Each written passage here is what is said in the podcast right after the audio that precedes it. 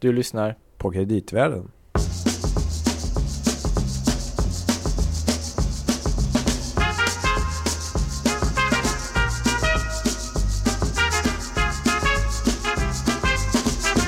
Mm, Louis.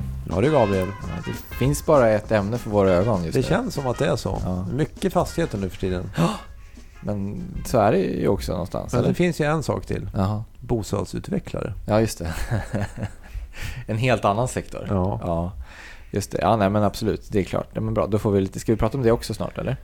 Ja, det känns ju som att vi skulle kunna göra det. Mm. Vi har två väldigt lämpliga personer. Mm. Just det. Mm. I rummet ja. Ja. Mm. Våra två redovisningsexperter. Mm. Bo Nordlund och Peter Malmqvist. Välkomna tillbaka. Tackar. Tack så mycket. Mm. Det var ungefär ett år sedan ni satt här båda två så här gemensamt forum Ja, senast. Ja. Tiden flyger. Har ni blivit mer positiva eller mer negativa under det här gångna året? Det beror på till vad. Framtiden. Bostadsmarknaden är ju Ja. definitivt annorlunda än när vi satt här egentligen för ett år sedan. Då Ja, hade den har det svängt runt lite.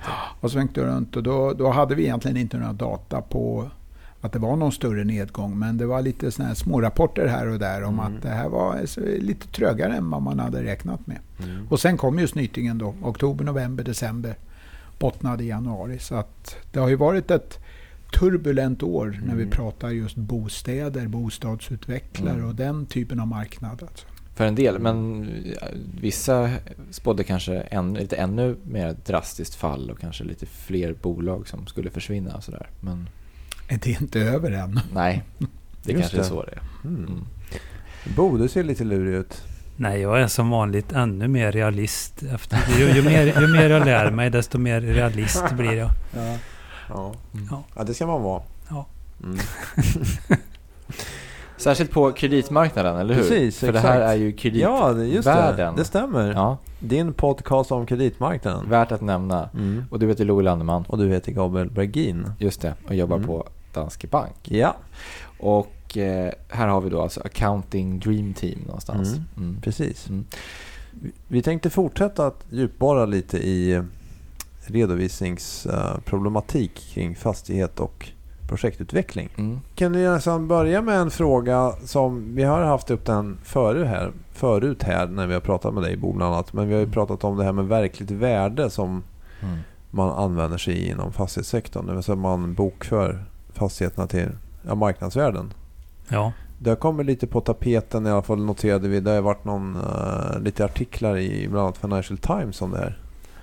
ja det är väl hög tid. Ja, Jag så det prat- verkar vara ett lite kontroversiellt ämne, eller hur ska man se på det? Mm, Ja, just nu kanske det har blivit lite kontroversiellt i en större, bredare krets. Personligen har ju jag alltid varit lite frågande till eh, vilka tillgångar man ska kunna ha i balansräkningen till verkligt värde med effekt i resultaträkningen och vilka man inte borde ha där. Och jag tycker ju om, om IFRS 13 har ju en värderingshierarki. Man har ju nivå 1, nivå 2 och nivå 3 på input. Så nivå 1 är ju quoted prices som man säger eller listade priser på identiska tillgångar. Det, det tycker inte jag är något problem att ha, ha som Råvaror. verkligt värde. Ja, aktier Mm. kanske noterade. Mm. Eh, Det, det tycker jag ja, självklart. Visst ska man ha det i balansräkningen. Det går ju att läsa av objektivt på en marknad och Mm. det går ju lätt för någon att kontrollera också utifrån Mm. om det verkar vara rätt aktiekurs man har tagit upp på det Mm. noterade bolaget och sådär. Eh, Nivå två är ju då avstamp i noterade priser på olika sätt men det är inte identiska tillgångar så det är ju då eh, kan säga mindre väsentliga justeringar som behöver göras för att det ska stämma med den tillgång man ska verkligt värdevärdera. Mm. Där är jag väl också försiktigt positiv till att man har verkligt värde i balansräkning med effekt i resultaträkning sådär. Nivå 3 är jag lite tveksam till och har varit ganska länge. För jag, alltså, det, väl, det värderas, det med nivå 3 så är det ju icke observerbara inputs man stoppar Mm. in i värderingsmodellerna. Och då, då är det inte så lätt för någon utomstående att ifrågasätta eller göra någon alternativ bedömning om man skulle tycka att det var påkallat. att man kan inte sätt, va? riktigt se hur värderingen är gjord. Nej, det är svårt. eh, Mm. Och, och, Eller om den är korrekt. ja. Och, och, och då krävs det istället väldigt mycket tilläggsinformation. Och jag tror att det skulle också bli väldigt tröttande kanske att ha sida upp och sida ner om olika kvarter man äger. Om in, in, information om vad man har petat in i sina värderingsmodeller. Så hur Ja. tycker du man borde göra i ett sånt fall då? Alltså nivå 3 inputs eh, har nog jag tyckt ganska länge faktiskt att, att man borde ha upplysning om i not. Mm. För att få bort fokus lite på, för att står det i resultat och balansräkning då är det riktigt sant alltså. Då är det verkligt värde och Verkligt då är det liksom Mm. Precision. Va? Ja. Men, men, men står det i not så blir det i min Du menar att det skapar en falsk säkerhet lite grann? Då? risk för det. är. Mm. Mm.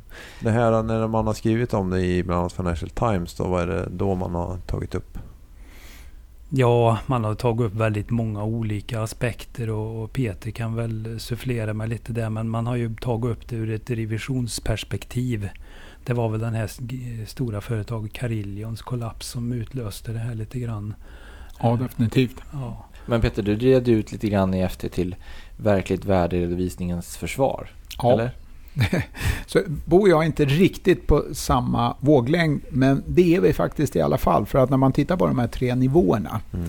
så det vi egentligen pratar väldigt mycket om, det är den här tredje nivån då vi använder en modell för att ta fram det här värdet. Medan de två första, ja, där är marknadsvärden ganska lätta att hitta. Och även i gruppen två som ofta är derivat, Mm. så är det lätt att hänföra ett derivatvärde till en valuta eller till en råvara och så vidare. Så det är ganska lätt att fastställa. Hyggligt likvida och de omsätts inom ett år och allting Mm. sånt där. Kommer man till nummer tre, då blir det svårare. Och det Financial Times fokuserade väldigt mycket på, som jag i grunden då tyckte var ganska okunnigt, det var varför har vi hela redovisningen omvärderad på det sätt som vi har, det vill säga till verkligt värde. Och det jag skrev en debattartikel om då i FT, det var att det har vi inte. Utan det gäller i praktiken fyra standards. Eh, där då fastigheter är en som heter ES 40. Eh, vi i Sverige har skogstillgångar som vi omvärderar i skogsbolagen. Det följer standarden IS 41. Och så var det mycket enkelt tidigare för då hette den IOS 39 för finansiella instrument då. Aktier, obligationer och sånt som vi äger till exempel. Ja, då, då var det också en standard som omvärderade till verkligt eller om man då säger marknadsvärde. Nu har IS 39 ändrats lite och bytt namn till IFRS 9 så då blev det inte lika rätt att komma ihåg dem. Va? Och sen så har vi den fjärde standarden, det är pensioner. Och då naturligtvis om man skyddar pensionsskulden med till exempel stiftelsetillgångar som vi har då i Sverige till exempel. Och så liknande lösningar är ganska vanliga internationellt. Då blir det marknadsvärdering då både av skulden och av de tillgångar som används för att skydda skulden. Och så visar Och det man ett netto.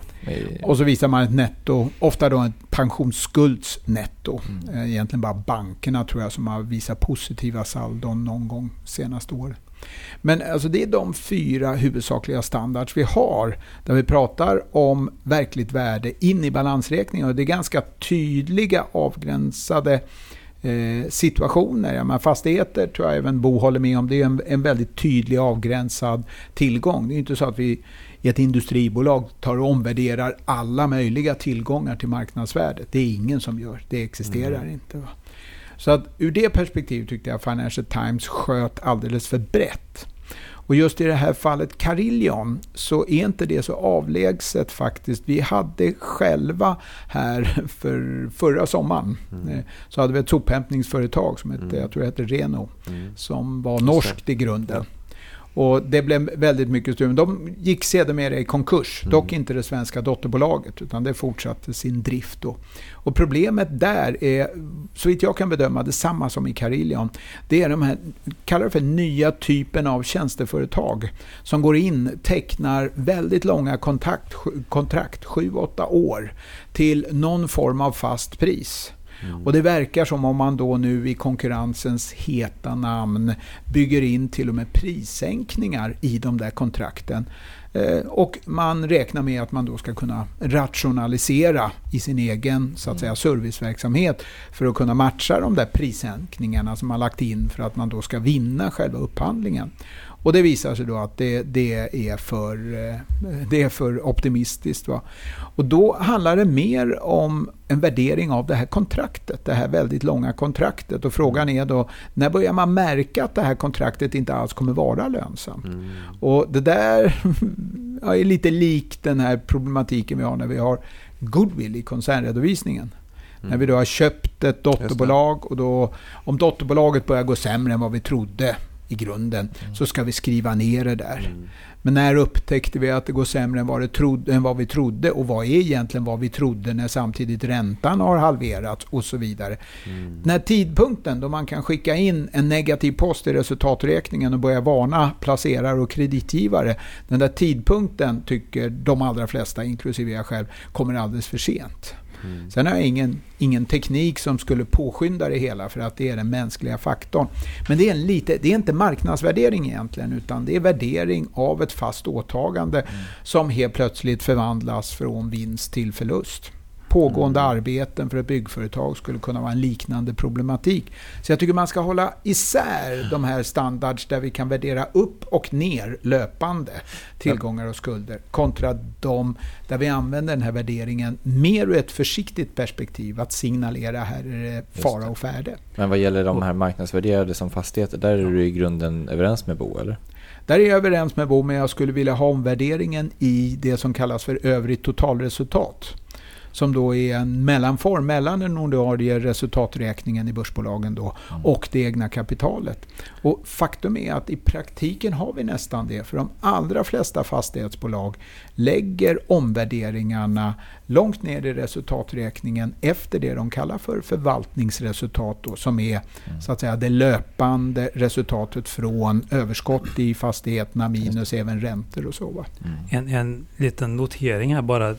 när vi pratar just fastigheter och det som förde mig in på det här spåret är ju att det är ju faktiskt så att de allra flesta fastighetsbolagen säger ju att de värderar med nivå 3.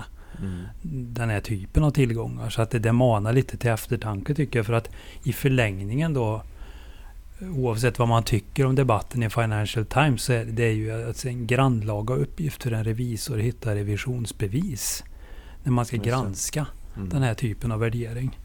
Och det, det är, ju, det, det, är ju en grej som jag tycker man, man ska väga in när man funderar mm. över det här med verkligt värde i resultat och balansräkning på förvaltningsfastigheter. Och det är ju inte direkt så att det här är några eh, transparent, fullt ut transparenta marknader med ett djup i transaktionerna och så vidare. Utan det är ju få, det är ju tunna marknader, få aktörer. Ja. Och då kommer vi också in på det här med eh, när IFRS 13 kom så skärpte man ju upp terminologin ganska mycket om vad är ett verkligt värde. Och då gör man ju distinktioner mellan entry price och exit price. Och entry price det är vad man köper en tillgång för och exit price det är vad man kan avyttra tillgången för under ordnade mm. förhållanden och, och så vidare. Och så vidare va? Och det gör ju IFRS 13 väldigt klart att det här är ett exit price det är frågan om. Så alltså man, man köper en tillgång för ett visst pris och sen när man kommer till omvärderingstillfället då är det inte vad man köpte för utan vad man kan sälja tillgången för under den definition som finns. Va? Och det är här som det kan bli ett problem då om det är en svagare marknad ja, så kan bolaget hävda att ja, men det har inte varit några transaktioner så vi har mm. kvar vårt högre pris ja, och då, på den här tillgången. Då, då, då menar jag att då, då, då är det ju faktiskt så som det stod i IAS 40 väldigt tydligt men som Eh, tror jag i och för sig inte står kvar där nu men som, som, som andemeningen är densamma. Att den, fakt, den som faktiskt innehar förvaltningsfastigheten eh, is not a part of this consideration som det stod. Va? Det vill säga den som innehar fastigheten kan tycka eh, att det här hundra vill jag sälja fastigheten för annars är jag inte en villig säljare. Men det, det är rätt ointressant i det sammanhanget därför att säljaren är rent hypotetisk aktör, inte den faktiska innehavaren av fastigheten. Och den hypotetiska aktören är ju beredd att sälja till det bästa pris som går att få på marknaden idag. Mm. Så om det bästa priset skulle kunna vara 80 då är man en villig säljare till 80 när man värderar enligt IFRS 13. Just Ja. Man är en man- pristagare rakt av. Ja, alltså man kan säga att den, den faktiska innehavaren kan tycka att jag är inte villig att sälja under 100 men marknadsaktören, den hypotetiska säljaren är villig att sälja därför att 80 är det bästa pris som går att få ut. Va? Just det. Men hur, hur stor flexibilitet har man som fastighetsägare när man redovisar att säga, alltså om det inte finns några villiga köpare alls ner till ett, ett väldigt lågt pris, vad, Mm. vad, hur bunden är man att redovisa ett värde som är marknadsvärde och hur mycket kan man säga då att man inte är en villig säljare? Ja, det, det är ju det som vi får se nu då om det skulle bli så att vi hamnar i någon ny sån här situation där det blir likviditetsproblem Mm. och annat. Då, då får vi se vart det bottnar någonstans. Liksom. Men, men, men, eh, Men man kan hålla emot i viss grad. Till det- viss del, men, men eh, det håller ju liksom inte att säga att man kan inte värdera ner för det finns inga transaktioner på fastighetsmarknaden. Det håller inte för att liksom, då får man ju dammsuga marknaden på all möjlig annan information som skulle kunna Men leda att det är till... väl en sån här typ av situation som precis som vi hade med banken under finanskrisen att när man har mycket marknadsvärderingar så kan det ju förstärka en nedåtgående trend i sig. Mm. Därför att det kan skapa nya... Bolagen måste värdera ner i sina böcker och så Mm, får de problem. mm. Och, och sen så driver det ena på det andra så att säga. Det, märk, det Det kan vara är svårt ju att komma ur den här loopen när det väl sätter igång. kommer man ihåg sina redovisningsteorilektioner så var ju det här en av de här kritiska sakerna med fair value accounting eller marknadsvärde i redovisningen var ju pro-cyclicality. Att det liksom är alltså risk för att det driver på både uppåt och neråt. Va? Just det. Eh, Mm. Det är jag övertygad om att det gör. Mm. Alltså, vad vi ser i en uppåtgående marknad, det är god tillgång på krediter. Mm. Så följaktligen om man tittar de senaste tio åren på de sju, åtta största fastighetsbolagen, de som är då riktigt etablerade. Faktiskt den enda sektor jag kan hitta på börsen, ta bort bankerna för det är lite speciellt, men där man driver efter investeringar kontinuerligt verksamheten med då negativt kassaflöte. Mm. Medan i de allra flesta andra företagen, undantaget när man gör större företagsförvärv, så faktiskt även efter investeringar så driver man verksamheten med positivt kassaflöde. Mm. Och det påverkar den här marknaden i så mått att när man då driver den i den uppåtgående marknaden med negativt kassaflöde så måste man få pengarna någon annanstans ifrån. Mm. Och det får man från bankvärlden. Obligation, krediter och, och alltså extern finansiering via resultaträkningen, räntan. Då, va? Och sen klappar marknaden ihop och det mest absurda exemplet var i början på 90-talet. Då den klappade ihop så fullständigt så att det fanns, eh, även om det fanns de som hade pengar så var det ingen som vågade sig ut på marknaden för ingen visste egentligen vad en fastighet som hade legat ens på Norrmalmstorg skulle egentligen vara värd i det här nya läget och bankerna hela tiden var i kris och alltihopa. Va? Och då är det ju det egna kassaflödet som bestämmer om man överlever. Mm. Och det är någonstans här emellan vi kastas. I den uppåtgående marknaden så struntar vi gärna, särskilt Mm. aktieplacerare, för det egna kassaflödet. Och sen så är det nedåtgående marknaden, då är det ingenting annat som vi försöker räkna på. Och det är klart, har man då investerat sig väldigt tungt in i ett väldigt negativt kassaflöde så måste man ju sälja hus Mm. för att få pengar till att betala tillbaks lån för att betala ränta. Och det var ju det vi såg i början på 90-talet inte gick. Det var för många som var tvungna att sälja för att klara sina åtaganden Mm. och då fullständigt klappade hela marknaden ihop. Det fanns inga transaktioner och då är det dags för staten att kliva in för då faller det över på bankerna. Mm. Däremot om vi såg 2008 då var faktiskt fastighetsbolagen så pass stabila, finansiellt stabila. Och väldigt stor andel av, av eh, fastighetsbeståndet då i, i den kommersiella sektorn ägdes ju av eh, vad vi kallar för långsiktiga aktörer, alltså försäkringsbolag framför allt då, som kan vänta ut en, en så att säga temporär sättning. Och därigenom så fick vi inte fram så många forcerade försäljningar. Nej. Utan Det aktörerna var de inte en satt lika lite kraftig lugnt. ekonomisk nedgång Nej, heller i och för sig. absolut inte. Och så kunde Riksbanken kompensera då ganska snabbt med ordentlig sänkning av räntan ner till 0,25 som det ju var under våren tror jag det var 2009 till exempel. Och det hjälpte ju också till då. Va? Så att ur det perspektivet har man inte några finansiella, finansiellt pressade säljare, ja då sitter alla, mer eller mindre i alla fall, lugnt i båten. Då får man inte heller några transaktioner. Men då är det ju en trevligare situation för att då mm. räcker kassaflödena till för att liksom underhålla både räntor och amorteringar. Va? Men jag tänkte Bo, det finns ju en annan sak apropå det här med verkligt värde, vilket ju är att man får inte avskrivningar på samma vis. Nej, just det. det är, fastigheterna. Då det skulle man vissa säga att ja, men det spelar ingen roll för det. avskrivningar påverkar inte kassaflödena. Nej, det, det är en intressant grej tycker jag. Därför att i, i den här fastighets, förvaltningsfastighetsvärlden som vi lever nu så är det ju så att man ser inte resursförbrukningen i resultaträkningen i fastighetsbolagen. Och, och, I och med att det finns ingen avskrivning i, i eh, de här bolagen som äger förvaltningsfastigheter i själva resultaträkningen utan mm. de värderar ju om fastigheterna och så för de ut en viss del av underhållet då som, som eh, kostnad i resultaträkningen. Men det är ju skulle jag säga, en, en, mycket, mycket mindre del av det som hamnar i resultaträkningen än vad som faktiska resursförbrukningen är för att hålla husen i skick och i, mm. i konkurrenskraftigt skick. Va? Och, och, då, då, krävs det ju liksom på något sätt att man är medveten om att okej, okay, då får jag leta efter, efter den här resursförbrukningsinformationen någon annanstans. Mm. Och i den bästa av världar då så skulle ju noten för förvaltningsfastigheternas eh, avstämning mellan in och utgående balans innehålla en sån eh, preciserad eh, eh, uppställning så att man kommer från ingående balans i verkligt värde och sen så har man då någon slags investering av ett slag där man liksom har utökat maskinparken i verkstaden. Mm. Typ man har byggt nya hus eller man har gjort väsentliga tillbyggnader eller man har förvärvat på begagnat marknaden eller vad det nu mm. kan vara. Eh, nya kassagenereringspjäser i form av nya fastigheter eller byggnader. Då, va? Eh, men sen har vi också en annan typ av investeringar som är återinvesteringar i befintligt bestånd. Då, som jag tycker borde vara väldigt tydligt särredovisade så att man kan se mm. vad eh, resursförbrukningen är.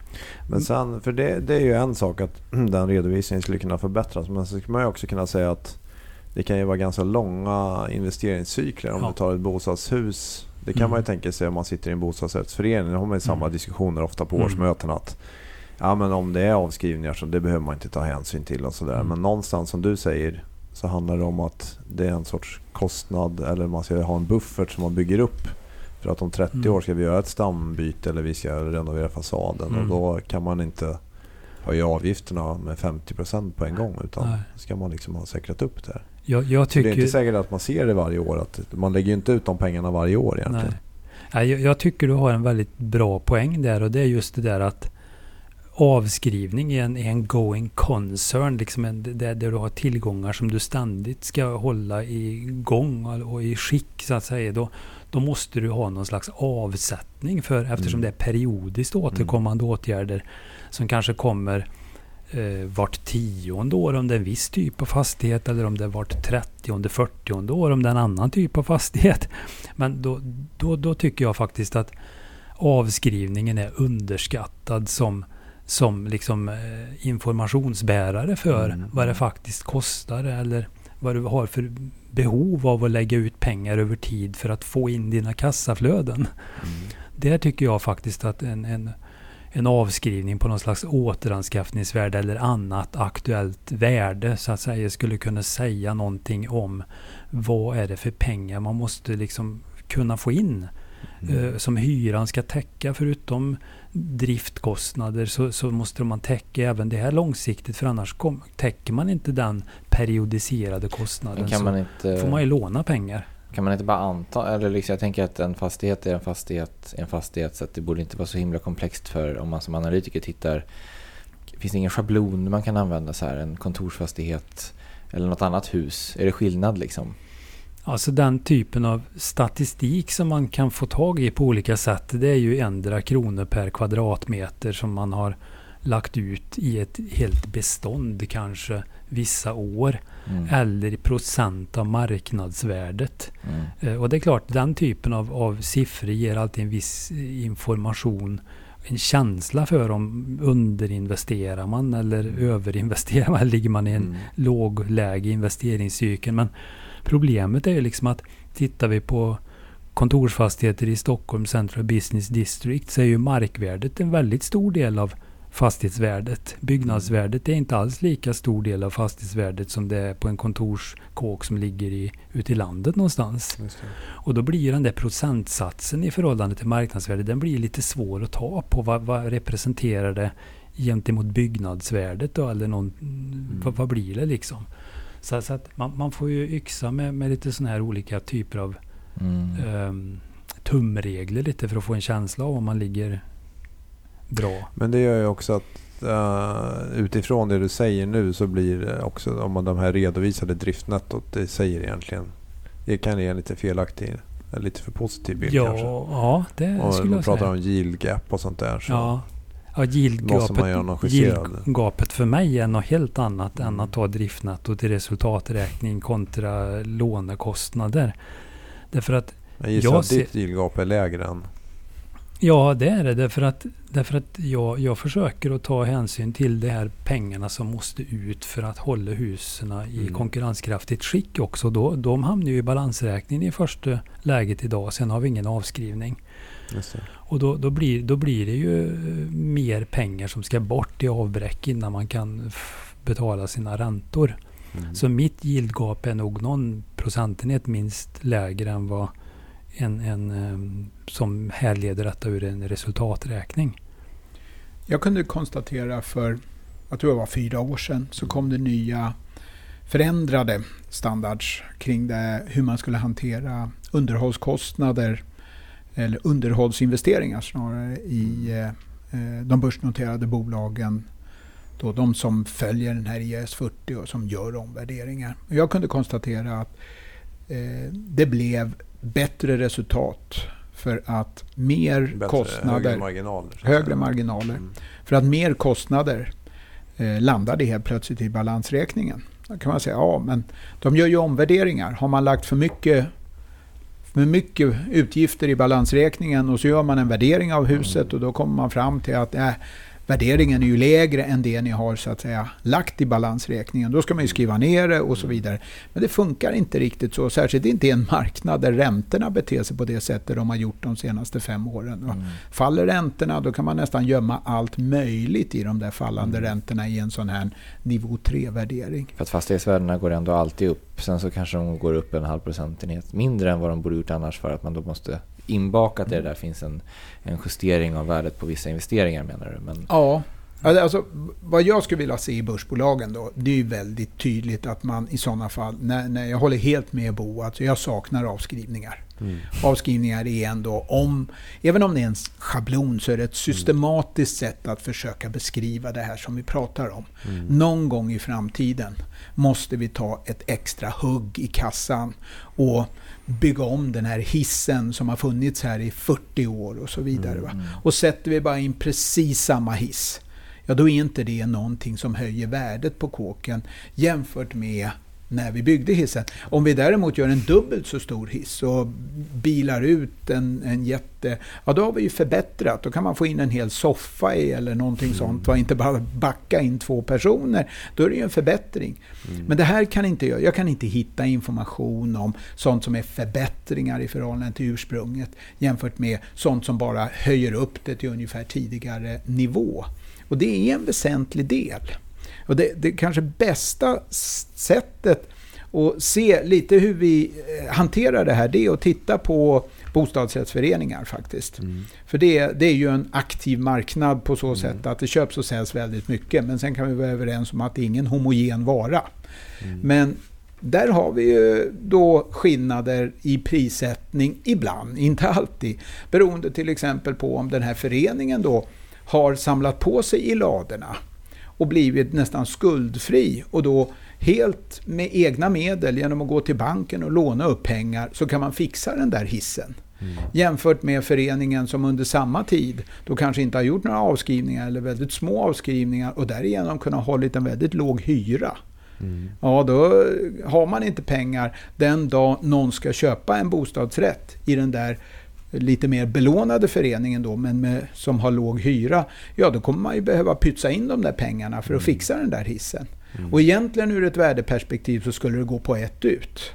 Men jag är ganska säker på att den där föreningen tyvärr då som har varit sparsam och samlat i ladorna kommer inte få fullt ut betalt för den strategin. Alltså. På BRF-marknaden ytterligare en dimension vilket är att man kan inte förvänta sig att alla privatpersoner som köper en lägenhet förstår hur man ska läsa årsredovisningar och se sådana här saker. Det att, är, eh, du och jag kanske alla, ja, all, alla, alla som köper en bostad idag har, i alla fall de som säljer, har anlitat en mäklare. Mm. Och nu är det ju så naturligtvis att mäklarna, i alla fall fram tills för ett år sedan, de var ju säljarens ombud. Mm. De fick betalt av säljaren för att sälja prylen. Mm. Men i grunden, där har du en specialist som definitivt ska kunna sätta sig in i det här mm. och kunna ge en hyggligt objektiv bild. Men då är vi inne på BOS nivå 3-värdering. Alltså den där ombudet för säljaren är ju inte så intresserad av att göra en kritisk nivå 3-värdering av det objekt som den här personen ska vara med och sälja. Den där personen vill ju liksom marknadsföra det här som att den här hissen håller i 40 år till och det kommer inte vara några som helst problem. Alltså. Mm. Och det är det vi har att tampas med när det gäller subjektivitet i värderingen. Det finns alltid två mm. sidor av myntet. Ska jag mm. köpa eller ska jag sälja? Och därigenom så blir det osäkert. Alltså. Mm. Men det här med avskrivningar, det är ändå någonting robust. Mm. Kunde jag få in det beräknat på ett vettigt sätt, då hade jag, precis som Bo är inne på, mycket större möjligheter att få fram det här underliggande resultatet som så, räcker på lång sikt. Så vad tycker du Bo? Vi som ja. analytiker, ska vi göra ett liksom justerat, nu kanske inte det här klassiska ebitda är jättebra mått överhuvudtaget då, men om man skulle ta den då ska man göra en liten justerad ebitda där man försöker göra någon uppskattning och dra bort en del av. Ja, en ja. periodiserad livscykelutgift för att hålla husen i konkurrenskraftigt skick. Mm. Men det är jättesvårt, inte jag säga. Det är väldigt svårt att veta. Du sa ju att det var lätt alldeles nyss. ja, men om du säger... Om, jag har lyssnat på Bo. Man, man kan ju säga så här. Det, Nej, men alltså, man vet ju inte den här fastigheten som det här bolaget äger till exempel. Hur, är det, ja, man kanske kan se ungefär, är det 20 år eller är det nytt eller är det 50 år gammalt? Men när gjordes de olika investeringarna på olika komponenter? Det är ju helt mm. omöjligt att veta utifrån. Mycket fotnötter här. Mm. Men om man, om man hela tiden säger så att om du hela tiden ska ha samma reala egna kapital för egen, egen vad jag säger, på egna meriter på något sätt. Mm. Då, då, måste du ändå liksom över tid täcka upp den här förbrukningen med kassaflöde från rörelsen. Mm. Och då, då kan man ju säga sig, ja visst, men över tid ska du i alla fall ha någon slags eh, avskrivning på någon slags representativt återanskaffningsvärde som du ska klara av så att säga och mm. fixa. Va? Och då, då, det tar ju ut. Va? Okej, är det lite sämre skick nu så, så, så, kommer det, då behövs de där pengarna snart för jag ska pytsa in dem och är det i bättre skick och då har jag lite längre till nästa gång. Men du ska ju över tid ändå fixa den här nivån i återanskaffning. Mm. Och då tycker jag att en, en, en eh, kalkylmässig avskrivning på återanskaffningsvärdet på något sätt kan vara en bra utgångspunkt för det. Sen kan man säga någonting som man ofta får frågor om i fastighetsbranschen. Det är det, ja men inflationen löser väl problemen över tid? Det gör det väl inte. Därför att jag menar om vi tänker oss att vi har en inflation och byggnaderna är reala förbrukningsresurser. Mm. Så det är klart att liksom det som kostat två kronor i, igår, det kostar ju tre kronor om några år och så 50 kronor om ett antal ytterligare år och så vidare. Mm. Så att byggnadskomponenterna blir också dyrare. Det dyrare underhåll helt enkelt. Så det som mm. egentligen är stora vinnaren i en inflationsekonomi sett i ett långt, långt perspektiv, det är om du äger marken. Mm. Med byggrätten. Mm. Som jag ser det. Just det. För det andra blir ju bara dyrare att återanskaffa. Eh. Om, om, om du har inflation eller mm. så. så. Så att liksom, ja, jag tycker nog att man skulle kunna ha någon slags modelltänk. Att man har, har eh, men, en, Då kan man ha lite schabloner per olika fastighetstyper. Ja, alltså. ja. Men en första, ett första fall framåt vore att om man tittar på den här noten, när man tittar på vad som händer med värdeförändringarna. Mm. under perioden så finns det oftast en, en kassaflödeskomponent, ett, ett förvärv, försäljningar, alltså vad händer Mm. med beståndet Mm. och sen så ett avkastningskrav. Eh, komponent då, värderingskomponenten egentligen är väl Mm. det då. Mm. Men det som man skulle vilja ha då är att det finns en eh, att den är uppspaltad ytterligare eller liksom Ja, alltså jag, jag tycker att det borde vara förvärv av nya fastigheter eller hus. Och med förvärv av nytt hus jämställer jag att du bygger nytt på egen mark. Mm. Eller bygger till på egen mark. Och, och sen har du den typen av investeringar som man skulle kunna kalla för komponentbyten då i Mm. befintligt bestånd. Där du byter ut eh, ventilationsanläggningar, du gör hyresgästanpassningar, du byter VA, vatten och avloppssystem och, och, och, så vidare. Va? Tak, fasader, fönster. Det är komponentbyten. Det är återinvesteringar i apparaten för att, för att eh, produktionsapparaten ska kunna fortsätta och tjäna nytta. Och läser man liksom värderings, värderingsteori från, från eh, företagsvärlden så, så pratar man ju om ett ebitda minus capex-behovet för att Just hålla tillgången i, av, sam, i, i skick. Va? Mm. Och det är Det den är- där delen man kanske missar då helt enkelt. Ja, Mm. den delen tycker jag vi missar idag. Mm. Och då ser det lite för bra ut. Mm. Jag tycker det kunde vara, bra. kunde vara enkelt om man i en kassaflödesanalys skilde på när jag köpt eh, ett fastighetsbestånd, typ begagnade hus, när jag bygger nytt, när jag gör nyinvesteringar i befintliga fastigheter som höjer värdet, Mm. där jag då måste skjuta till någon ny funktion eller storlek eller exklusivitet av något slag. Och sen så de övriga investeringarna som i grunden är sånt som är periodiskt underhåll men det kanske uppstår vart femte eller vart trettionde år. Mm. Så det är svårt att bedöma så att säga rent rätlinjigt. Men det är ju den sista delen där som jag idag helt svävar i okunskap om. Mm. Avskrivningar och återinföra det. Och jag nöjer mig med historiska anskaffningsvärden. Det kan bli lite fel om man har extremt gamla fastigheter. Men på börsfronten så är det få som sitter kvar med, med jättegamla fastigheter i alla fall. För det omsätts hela tiden och så vidare. Men jag skulle kunna nöja mig med avskrivningar på anskaffningsvärden som gav mig information ungefär om den här sista investeringskomponenten. Hur mycket måste jag plöja ner de här fastigheterna för att liksom bara bibehålla den i, de, i det skick som de var en gång i tiden när de byggdes. Får jag skicka en liten Mm. grej ändå? För jag har ju pratat om det här i, i några år nu och det glädjer mig när jag ser att en del fastighetsbolag försöker att göra bra ifrån sig. Och jag Mm. tycker Kungsleden är ett bra exempel på som har visat liksom att eh, läser du årsredovisningen så kan du se hur mycket kostnadsför de i resultaträkningen i underhåll. Hur mycket har de aktiverat i balansräkningen på olika komponenter. Underhållsinvesteringar kallar de Mm. en sak. Hyresgästanpassningar och andra värdetillskottsinvesteringar eller något liknande. Och sen så har du projekt. Alltså, då har du ju ändå väldigt bra eh, materia att sitta och jobba mm, med. Tips för fastighetsbolag som funderar på hur kan vi göra. Titta i Ja. hur Kungsleden har gjort. Det är ett Ja, bra exempel. He- Heba är ett annat exempel Mm. där man har kunnat se nyproduktion och förvärv för Mm. sig och återinvesteringar i befintligt bestånd för sig. Det ser också bra ut. Eh, någonting som jag tycker är lite tråkigt om med vissa det är att de kanske nämner i noter eller annan text hur mycket de har investerat i projekt, nyförvärv och i befintligt bestånd. Men sen så har de en resultaträkning som inte man kan se hur mycket som de har kostnadsfört i underhållet och inte ens i not. Ja, då saknar man. Ja, och jag tycker man behöver se helheten. Mm. Det, då, då, då får man en bild som analytiker av okej, vad är det för pengar ut totalt? För det är det som Just är det. intressant. ja. Så kreditvärden slår ett slag för avskrivningar och mer information kring underhåll. Mm. Är Inte bara överens? ny Mm. till och om investeringar. Nej. Det var ovanligt konkret. Ja, Vad härligt. ja, det tycker jag är fantastiskt. Mm. Framåtsyftande. Vi får hoppas att man hinner justera sin redovisning bara innan cykeln vänder kanske. Innan de här nya redovisningsreglerna kommer första januari. Ja, ja det också. Precis. Mm. Det kan vi ta i nästa avsnitt. Ja, det tror jag att vi får göra faktiskt. Mm. Jag tror inte vi hinner med mer nu. Men Bo och Peter, sitter ni kvar en stund till? Vi är kvar. Absolut. Härligt. Och ni som lyssnar får vänta någon vecka. Mm. Men eh, då, blir det, då blir det mer blod Peter. Precis. Mm. Tack, tack. Hej. Hej.